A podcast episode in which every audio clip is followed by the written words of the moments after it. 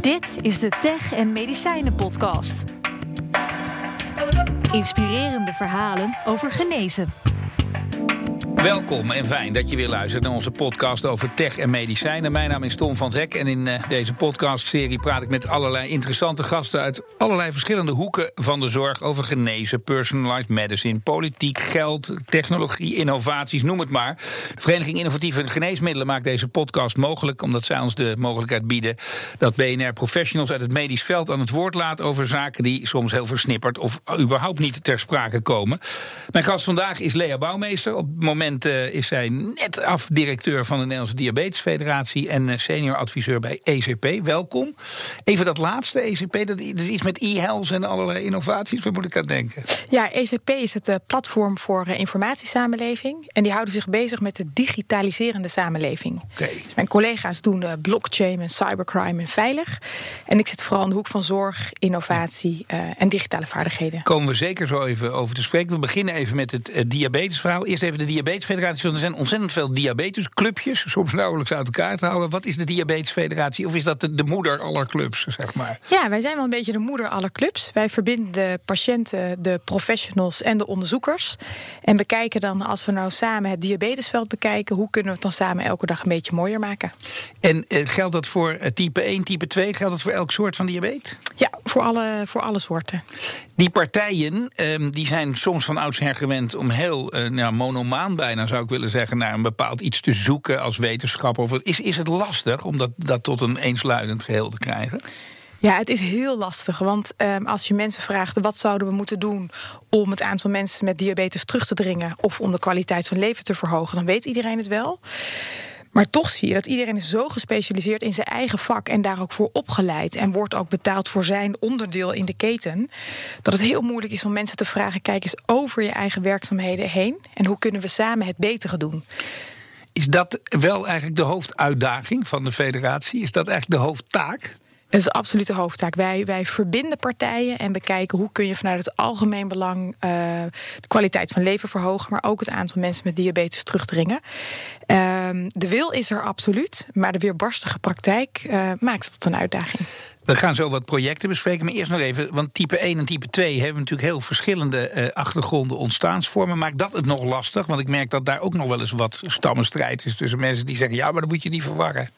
Ja, en dat ligt heel gevoelig. Want ja. diabetes type 1 is een auto-immuunziekte. Dat krijg je, daar kun je niks aan doen. Dat heb je de rest van je leven.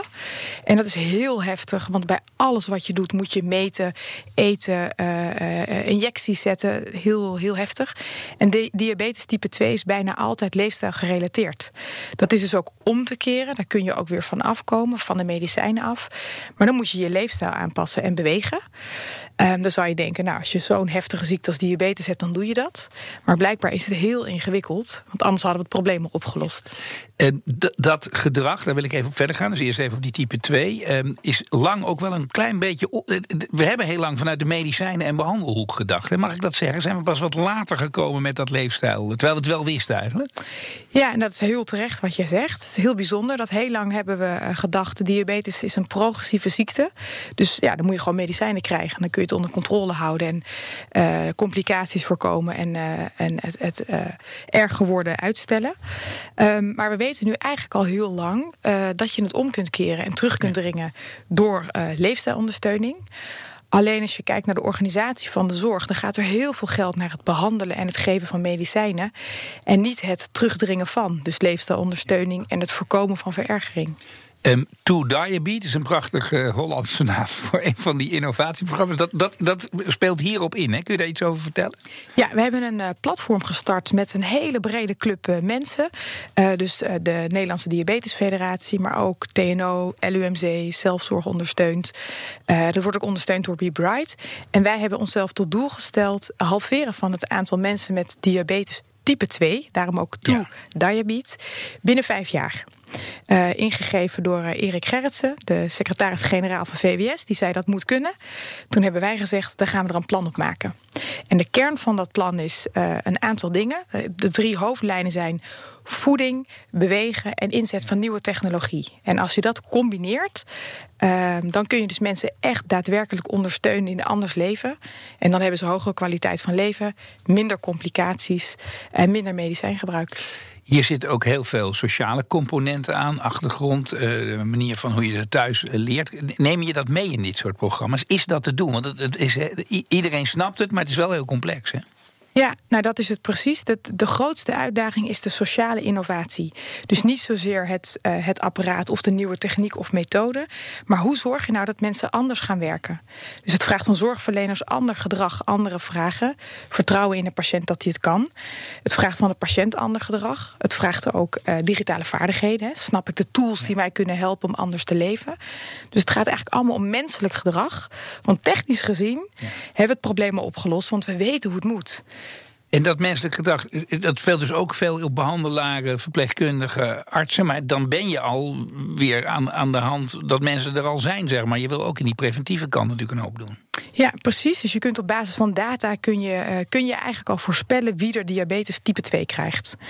En het hele bijzondere is, we wachten tot het te laat is. En dan kom je in allerlei behandelprogramma's. En dan is er heel veel geld beschikbaar. En de omslag die je moet maken is: zorg nou dat uh, volwassenen een gezonde leefstijl hebben. En dat ze het ook over kunnen dragen op hun uh, gezin, hun kinderen en hun omgeving. Want dan doorbreek je echt die verschrikkelijke epidemie. Want het is volksziekte nummer één. Het is echt heel heftig als je diabetes hebt. En het kost echt klauwen vol met geld. Kunnen jullie al iets zeggen of je al enig resultaat daarvan ziet? Of is het nog te prematuur om daar iets over te zeggen? Ja, helaas is het nog te prematuur om er iets over te zeggen. Maar wat we al wel zien in aanloop naar het programma uh, To Diabetes en de eerste opstartfase, dat iedereen zegt: dit is precies wat er nodig is. En daar begint het ook mee, dat mensen geloven van het kan anders. Uh, want dan staan mensen ook open om anders te werken. Uh, en ook om nieuwe technologieën te omarmen die dit mogelijk maken. Ik wil naar een ander programma, ook mooie Hollands titel: Personalized Diabetes Care. waarom overigens al die Engelse titels? Is dat eh, om in dat internationaliseren of waar is dat van? Uh, ja, in zijn algemeenheid uh, hoor ik wel eens van laaggeletterde mensen: hou ermee op, want ik begrijp het ja. niet. Ik begrijp het überhaupt niet en nu al helemaal niet. Um, maar in het diabetesveld komt het uit een beweging uit ja. het buitenland. Dus daar is het op gebaseerd. Maar ja, in goed Nederlands zeg je gewoon gepersonaliseerde diabeteszorg. Okay. En, en, en wat, wat, is, wat moet erin veranderen wat nu niet gepersonaliseerd is, zeg maar? Of te weinig tot nu toe? Nou, wat je nu ziet is wat we heel goed in Nederland uh, doen, is je hebt de ketenzorg diabetes, type 2. Uh, die hebben we allemaal in het snotje. Dus dat is ten opzichte van het buitenland heel goed. Maar het is ook een soort standaard aanpak. Dus je gaat vier keer per jaar naar de verpleegkundige, je gaat naar een huisarts, uh, die meet je bloedwaardes. En dan wordt er helemaal technisch gekeken hoe gaat het met jou. Terwijl dat helemaal niks zegt over hoe het echt met je gaat.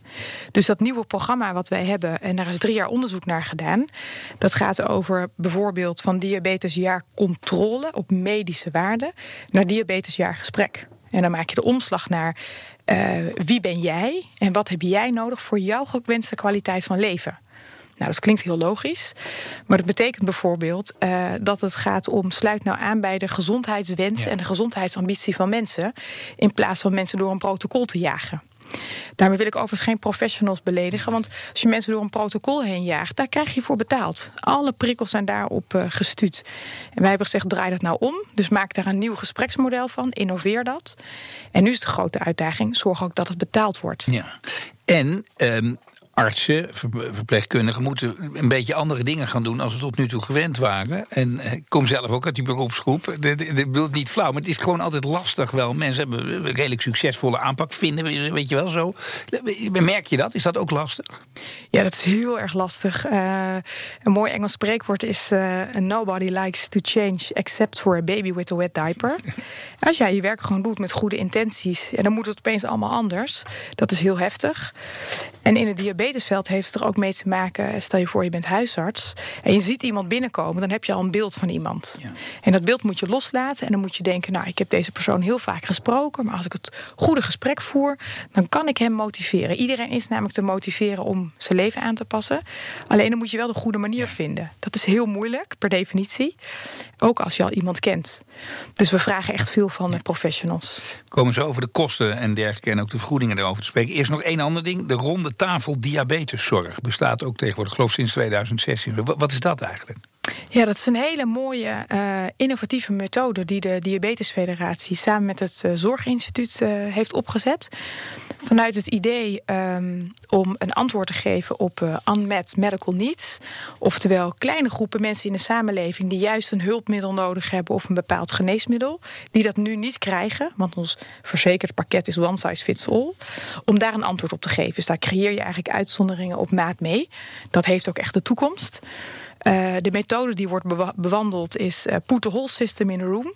Dus zorg dat iedereen die iets te maken heeft in het diabetesveld daarbij zit, daar input kan leveren. En vervolgens fase per fase ga je kijken wat gaan we doen. Want je wilt natuurlijk niet ja. dat degene die geld verdient aan de medicijn ook beslist: dit gaan we voor een grotere groep vergoeden. Maar, maar wat heeft dat dan tot nu toe? Zijn er concrete resultaten waarvan je kan zeggen: Nou, we zijn nou zo ongeveer twee jaar bezig, dat heeft daar en daartoe geleid? Ja, zeker. Er zijn uh, twee typen medicijnen voor een aantal groepen mensen uh, beschikbaar gesteld. Uh, de fles bloedglucosemeter, heel populair apparaat, is ook beschikbaar gesteld voor een aantal groepen patiënten. dus dat is dat je niet meer bloed hoeft te prikken s'nachts, maar dat je gewoon met een flash en een sensor kan kijken hoe staat het met mijn bloed. dus denk maar aan, aan hele kleine kinderen die s'nachts anders wakker gemaakt moeten worden voor het prikken. Um, en dat heeft die groep met elkaar bereikt door te kijken. Het is misschien nog niet voor iedereen uh, van toepassing, maar wel voor een kleine groep. Dus laten we daar dan uh, mee beginnen. Wil ik natuurlijk ook eens even naar de, de kosten en de betaalbaarheid van zorg. Want uh, je zei het al eerder, het neemt een enorme hap ook in, in de zorg, diabetes, hè, de, qua hoeveelheid. Hoe zit dat eigenlijk? Tot nu toe vergoeden wij vooral op behandeling, zeg maar, van oudsher. En je zegt dat we moeten daar een shift in maken. Is daar ook financieel al een shift in aan het komen? Nou, daar is nog geen shift. Het zit echt allemaal nog in die behandeling, medicatie en, uh, en meetapparatuur. En een van de onderdelen van To Diabetes is: uh, kom met een nieuwe werkwijze die aansluit op de gezondheid van mensen. Hou ze gezond. Daar verdien je ook geld mee. En zo willen we met een nieuw verdienmodel komen. Uh, en dat ook toetsbaar maken. Want als je dat niet ja. doet, dan krijg je überhaupt geen uh, geld. Zo, zo werkt dat. Um, nou, ik kan me voorstellen dat, want verzekeraars die denken, nou, lijkt me een mooi idee, maar ik wil inderdaad eerst zien dat het werkt of zo. Dat is ook wel een beetje kip-ei-situatie vaak, hè, waar je tegenaan loopt. Ja, absoluut. En een hele vervelende ook. Omdat um, de kosten gaan voor de baten uit. We zien het aantal mensen met diabetes. We weten dat het uh, enorm toeneemt. We kunnen ook een voorbeeld nemen aan Amerika, wat daar gebeurt. En toch is het rationeel, ik betaal wel als je wat hebt en niet om het te voorkomen. Dus we zullen in ook in de samenleving moeten kijken naar nieuwe manieren om mensen gezond te houden, die aansluit bij hun wensen en behoeften. En tegelijkertijd kijken wat kunnen mensen zelf en hoe beloon je dat. Maar ook dat hele systeem door hoe beloon je een verpleegkundige, een dokter uh, of een huisarts, uh, maar ook een zorgverzekeraar als hij mensen gezond houdt. Als je daar de prikkels op zet, de geldstromen verlegt, dan gaan mensen ook veel sneller ander gedrag vertonen, omdat de prikkels gewoon veranderen. Um, die zoektocht naar die prikkels, die, die vindt natuurlijk in de hele zorg plaats. Hè, en op uitkomst betalen, ook daar is niemand tegen. Maar dat meten, die, die, die glucosewaarde heeft een exacte waarde. Zeg, daar kan ik iets mee, dus, zonder dat het wat zegt of het goed gaat met iemand. En dat andere is wat subjectiever. Is, maakt het dat ook lastig? Uh, nou, het maakt het lastig vanuit uh, de beroepsgroepen, denk ik. Ja. want je kunt zoals in Zweden werken bijvoorbeeld met vijf parameters, vijf of zeven. Dat is het gewoon. Daar vindt de bekostiging en de controle, alles uh, gaat op die manier. In Nederland kan dat ook. Alleen um, als je iets meet, dan is het, dan is het objectief. Hè. Dus, uh, dokters, klassiek opgeleid en onderzoekers kunnen dan zeggen: dit zijn de feiten. Maar iemand die de hele dag al zijn waardes meet en erop handelt, kan zwaar depressief zijn. Ja. Want het is echt high impact op je leven. Dus je kunt ook zeggen: vraag die patiënt nou, wat is jouw gewenste kwaliteit van leven en draag deze behandeling daaraan bij. Maar daarmee neem je regie weg bij onderzoekers en professionals. En als je bij de een wat neerzet en bij de ander wat weghaalt, dan heb je uh, gedonder. Dus de vraag is. Hoe, de beautiful question is: hoe krijg je dan uh, dokters en onderzoekers mee om naar die nieuwe methode te gaan of naar nieuwe ja. mengvormen te gaan? Ook vanuit een, uh, een veiligheid die zij nodig hebben. Hè? Want zij doen hun werk naar eer en geweten. Houden houvast aan die meetwaarden. Ja, en als je dat loslaat, dan snap ik ook wel als dokter dat je denkt: oh jee, ja, straks voelt iemand zich goed, maar ja. gaat het medisch niet goed? Hè? Dus je moet naar nieuwe mengvormen. En daar heb je heel veel goede gesprekken voor nodig. En ook een beetje een duwtje in de rug. Uh, het kan echt ja. anders. Word je daar positief van? Of keer je ook wel eens naar huis terug? Denk je, nou, we hebben weer een mooi gesprek erover gehad, maar wat levert het op? Ja, allebei. Uh, maar ik ben er wel eentje van de aanhouder wint. Dus die verandering moet. Hè. Dus een van mijn grote voorbeelden is uh, Eric Topol. Die heeft een boek geschreven, The Patient Will See You Now. Dus dat, dat systeem gaat echt om. Maar het gaat alleen goed om als je het echt gezamenlijk doet. Dus als je ook echt kijkt vanuit de mutual gain, wat hebben alle partijen nodig om veel meer vanuit de patiënt te redeneren uh, en kosten te reduceren?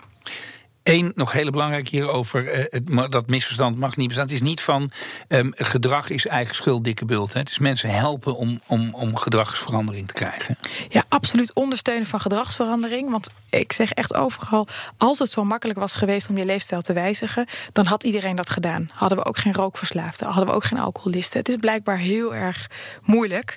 Um, en dat is ook gewoon, het zit ook helemaal in ons DNA-systeem en in ons ongezonde leefomgeving. Wil ik even naar het andere deel van je werk, senior adviseur ECP, allerlei vernieuwingen. Kun je iets vertellen over wat voor soorten vernieuwingen? We hebben hier natuurlijk wat innovaties, maar dit zijn veel ook op gedrag. En, maar dit zit ook meer op, op, op uh, de digitalisering en dat soort zaken? Ja, absoluut. Het zit uh, op de zorginnovatie, dus de nieuwe methoden, uh, werkwijzen en technieken. En op de transformatie, dus het proces naar hoe organiseer je nou die nieuwe zorg. dus een van de voorbeelden is even reclame maken voor de Nationale e-Health Week van 21 tot 25 januari 2019. Uh, die organiseren we als ECP. En wat we daar doen is uh, zorgen dat heel Nederland uh, zijn deuren openzet en laat zien hoe werkt die zorgvernieuwing. Dus hoe zorg je dat de vraag van de patiënt centraal stelt? Hoe zorg je dat patiënten en zorgverleners over digitale vaardigheden beschikken om die nieuwe toepassingen te kunnen gebruiken. Uh, dat soort zaken verbinden we allemaal. En in een week mag iedereen bij elkaar komen kijken. En wij proberen dan hier en daar een zetje te geven om te zorgen dat mensen ook naar die andere wereld toekomen. Want bedenken is één, maar het uitvoeren terwijl je al een, in een organisatie zit of een organisatie leidt, dat is echt een tweede. Maken we stappen op dit gebied nu? Merk je dat in allerlei zorgorganisaties? Dat er wel steeds meer, nou ja, zeg maar in ieder geval bewustwording en ingang is voor dit soort processen? Ja, er gebeurt echt ontzettend veel. En er zijn heel veel, wat ik dan maar noem, dappere leiders in de zorg. die met hun organisatie zeggen: uh, uh, wij gaan de boel anders organiseren. Dus een voorbeeld is bijvoorbeeld uh, Jolande Tijhuis van de Vincent van Gogh GGZ in, in het zuiden van het land. Zij zegt: er zijn te veel mensen hier in de instelling. Ik wil mensen meer en langer en gezonder thuis. En dat is mijn doel. En ik ga mijn medewerkers helpen om dat mogelijk te maken. Nou was ik laatst zelf op dit gebied bij een grote care-instelling. En die mensen zeiden het is soms nog moeilijker om onze eigen medewerkers hier aan te laten wennen dan de patiënten die er overal voor staan. Is dat een herkenbare zin? Of is dat zonder even dat allemaal op een hoop te willen gooien? Maar je snapt wel wat ik bedoel. is, want je, je hebt het eerder gezegd, je, je, je laat regie los een beetje. Je, je, je draagt iets over. Ja, het is regie loslaten en het is ook. Um, uh, sommige mensen hebben 30 jaar lang op een bepaalde manier gewerkt. En dan zeg je op een gegeven moment: Leuk hè, we gaan alles anders doen. Je hele ritme gooien we om. Om tien uur is geen koffie meer, maar mensen krijgen koffie wanneer ze dat willen. Dus het is heel erg belangrijk dat je mensen houvast en perspectief geeft. Houvast, ondersteun ze en perspectief. Dit doen we omdat we zorg op maat willen leveren, omdat dat de kwaliteit van leven verhoogt. Het zijn allemaal uh, sociale, menselijke processen. Als je dat goed leidt uh, dan ben je spekkoper. Hè? Dan ben je de beste werkgever van Nederland. Heb je ook geen personeelsprobleem als het goed is. Uh, maar de praktijk is wel uh, weerbarstig. Um, dus we hebben bijvoorbeeld vanuit het ECP een coalitie Digivaardig in de Zorg. Waarin we al die verschillende groepen ook hierin ondersteunen. Als je naar personeel kijkt, um, we, we, we, worden overstroomd met de doemscenario's. Hoeveel mensen we tekort gaan komen in de zorg. Anderen zeggen, nou, met die digitalisering gaan we ook wel veel menskracht besparen. Want we kunnen dat. Zie je daar iets van balans in komen? Of ben je ook bang dat we toch afsteven op een enorm tekort aan mensen? Um, nou, het is mogelijk dat je techniek het werk laat doen, zodat er meer tijd overblijft voor die warme handen aan het bed en het goede gesprek. Hè, want dat, dat kun je doen.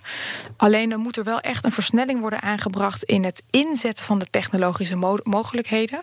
En daarvoor heb je digitale vaardigheden nodig. Je hebt er ook andere bekostiging voor nodig. Je ziet her en der uh, de verandering komen. Maar wat ook heel interessant is, als je het bijvoorbeeld hebt over zorgrobots, dan denken mensen over een heel eng, keihard statisch apparaat. Dus er zit heel veel maatschappelijke weerstand ook. Van nee, wij willen de mens en geen robot. Maar als je ziet waar de knuffelrobots worden ingezet en wat dat aan kwaliteit van leven voor mensen betekent bij ouderen of bijvoorbeeld in de gehandicapte sector, daar heb ik het gezien. Uh, dan denk je, maar waarom heeft niet iedereen zoiets? Dus daar is ook maatschappelijk nog veel aan te doen. Ook daar lange adem dus. Dus ja, op veel vlakken moet je lange adem hebben. Nog even over die bekostiging. Want daar hoor ik ook altijd natuurlijk veel mensen over zeggen. Die zeggen ook een beetje als flauw argument, vind ik soms. Hè, van we willen wel, maar de bekostiging laat het niet toe. Die bekostiging loopt natuurlijk altijd iets achter de werkelijkheid aan. Of is daar ook wel veel te praten en te denken over nieuwsoortige systemen? Nou, wat echt opvallend is de afgelopen uh, jaren, uh, is dat zorgverzekeraars veel meer vanuit uh, kwaliteit van leven en preventie redeneren. En tegen instellingen eigenlijk een beetje lump sum uh, financiering voorstellen. En zeggen: dit zijn de doelen die we nastreven. Hogere kwaliteit van leven, langer thuis, omdat mensen dat nou eenmaal graag willen. Um, en je mag het zelf invullen, uh, maar dit is de zak geld die we hebben. Dus daarmee krijgen organisaties heel veel vrijheid. Dat is heel fijn. Dus dat is echt wel een beweging die de zorgverzekeraars hebben ingezet. Uh, maar vervolgens uh, moeten instellingen ook zelf de ruimte hebben en het aandurven. Zoals jij als zorgorganisatie net zwarte cijfers schrijft. Uh, en jouw toezicht, raad van toezicht zegt uh, niet te veel veranderen, want we moeten zwarte cijfers draaien, dan beperkt dat je innovatievermogen. En precies op dat stuk zou je meer ruimte en ondersteuning kunnen bieden. Dus laatste vraag op dit gebied. Als wij rondkijken, de Nederlandse gezondheidszorg komt altijd heel goed uit allerlei internationale vergelijkingsonderzoeken. Als we naar die digitalisering en dergelijke, zijn er dan toch landen waarvan je zegt, nou, maar daar zouden we toch eens even kunnen kijken, want die zijn daar al wat verder mee, of die durven wat meer? Um, nou, er zijn wel heel veel goede voorbeelden. Uh, heel veel Nederlanders gaan naar Denemarken. Ja, want dat is erg in, hè? Scandinavië. Scandinavië, Estland, hè, daar gaat iedereen heen. En Estland, dat wil dan het, uh, het Ierland zijn van de wereld. Ja. Het punt is alleen, er bestaat geen one size fits all. Want in Estland bijvoorbeeld hebben mensen gewoon geen privacy. Je moet gewoon meedoen, punt. Dat zeggen ze ook over zorgprofessionals. Ja. Als je niet meedoet, krijg je gewoon geen salaris. Nou, daar willen we natuurlijk niet heen, hè, want wij zijn het land van draagvlak en, uh, en polderen. Maar die elementen die al die, al die andere landen hebben. En dus zoals Denemarken werkt veel meer vanuit de regio en veel meer vanuit ecosystemen. Waar werken partijen al goed samen? Wat willen mensen en bouw daarop door? Ik denk dat dat het model is wat Nederland zo langzamerhand uh, aan het adopteren is. Niet meer landelijk one size fits all, maar veel meer ruimte laten in de regio zodat je ook een antwoord kunt bieden op de vragen van mensen die in die regio wonen. Want Amsterdam heeft hele andere problematiek dan Noordoost-Groningen. Laatste vraag, en dit vertellen we aan iedereen. En bij jou ben ik natuurlijk helemaal benieuwd. Je bent oud woordvoerder zorg in de politiek geweest met PvdA, dat weet iedereen ook wel. Uh, iedereen mag eigenlijk aan de minister iets vragen, iets zeggen. Bruno Bruins in dit geval. En we hebben hem ook gevraagd tot slot in de laatste podcast daar antwoord op te gaan geven. Dat gaat hij ook doen. Uh, een wens, een gedachte, uh, iets waarvan je denkt: Nou, als ik morgen nog even een dagje minister was, dan zou ik daarop inzetten of dat doen. Wat, wat, wat is wat jou betreft het belangrijkste? Nou, ik denk als je meer techniek in wil zetten in de zorg, zodat je mensen meer eigen regie geeft over hun le leven en een lagere werkdruk, dan moet er heel veel aandacht komen voor die sociale innovatie. Dus hoe rust je organisaties en individuen nou toe om die nieuwe techniek te omarmen en om te begrijpen, om die digitale vaardigheden toe te passen? En ik ben heel erg benieuwd naar uh, hoe de minister ruimte geeft en die sociale innovatie een flinke push geeft, want dat is echt een hele ingewikkelde die ook niet in maatregelen te vangen is. Daar dan toch nog een vraag, want je hebt zelf lang in Den Haag, al het lekker woord, hè, in Den Haag gelopen. Hoe, hoe, groot is die, is die invloed van Den Haag hier heel groot op? Of, want Den Haag zegt natuurlijk vaak, ja, het veld moet ook komen en moet het doen. En, en dat is ook een beetje zo dat zoeken van wie waarvan is. Waar is Den Haag eigenlijk van op dit gebied bijvoorbeeld, die, die sociale innovaties? Ja, nou, ik denk met de kennis van nu dat het heel belangrijk is dat Den Haag een klein stapje naar achter zet. En kijkt, wat gebeurt er nu allemaal? Meer ruimte geeft voor het maken van fouten. En dat fouten in hoe organiseer je zaken, dus niet in mensenlevens, meer ruimte geeft en ook zorgt dat organisaties kunnen experimenteren met nieuwe vormen van zorg. Dus als er meteen na elke fout uh, een kamerdebat ontstaat, dan verlamt de sector. Dus geef ze ruimte, ook financiële ruimte, zodat de goede ideeën vanaf de werkvloer tot het bestuur ook echt tot uitvoering en tot, tot bloei kunnen komen. Dus minder vooroordelen, meer ruimte geven aan het veld. Je loopt lang mee in die zorg, vanuit allerlei verschillende invalshoeken. Het is lange adem, zeg je. Ben je wel positief? Dus schieten we wel een beetje op in de landen? Ik ben heel erg positief. Want als er iets is veranderd de afgelopen jaren... is dat we veel meer vanuit mensen zijn gaan redeneren. Wat hebben zij nou nodig voor hun kwaliteit van leven? En dat er heel veel aandacht is voor die sociale kant. Die sociale innovatie, die digitale vaardigheden. Het anders werken in de zorg. En dat is de afgelopen jaren ontzettend snel gegaan. De techniek hebben we, de sociale innovatie loopt mee... Nou, als we dat nou samenvoegen, dan kunnen we een grote klap maken. Ik wil je danken voor al je kennis die je met ons hebt willen delen in deze podcast. Lea Bouwmeester, dus oud-directeur van de Nederlandse Diabetes Federatie en senior adviseur bij ECP. Succes met al je projecten. En denkt u, ha, leuk, ik wil wel meer horen uit deze serie? Ga dan naar de BNR-app. In een paar kliks ben je gratis, ook altijd lekker Nederlands, geabonneerd op deze serie. Dank dus voor het luisteren en op naar de volgende.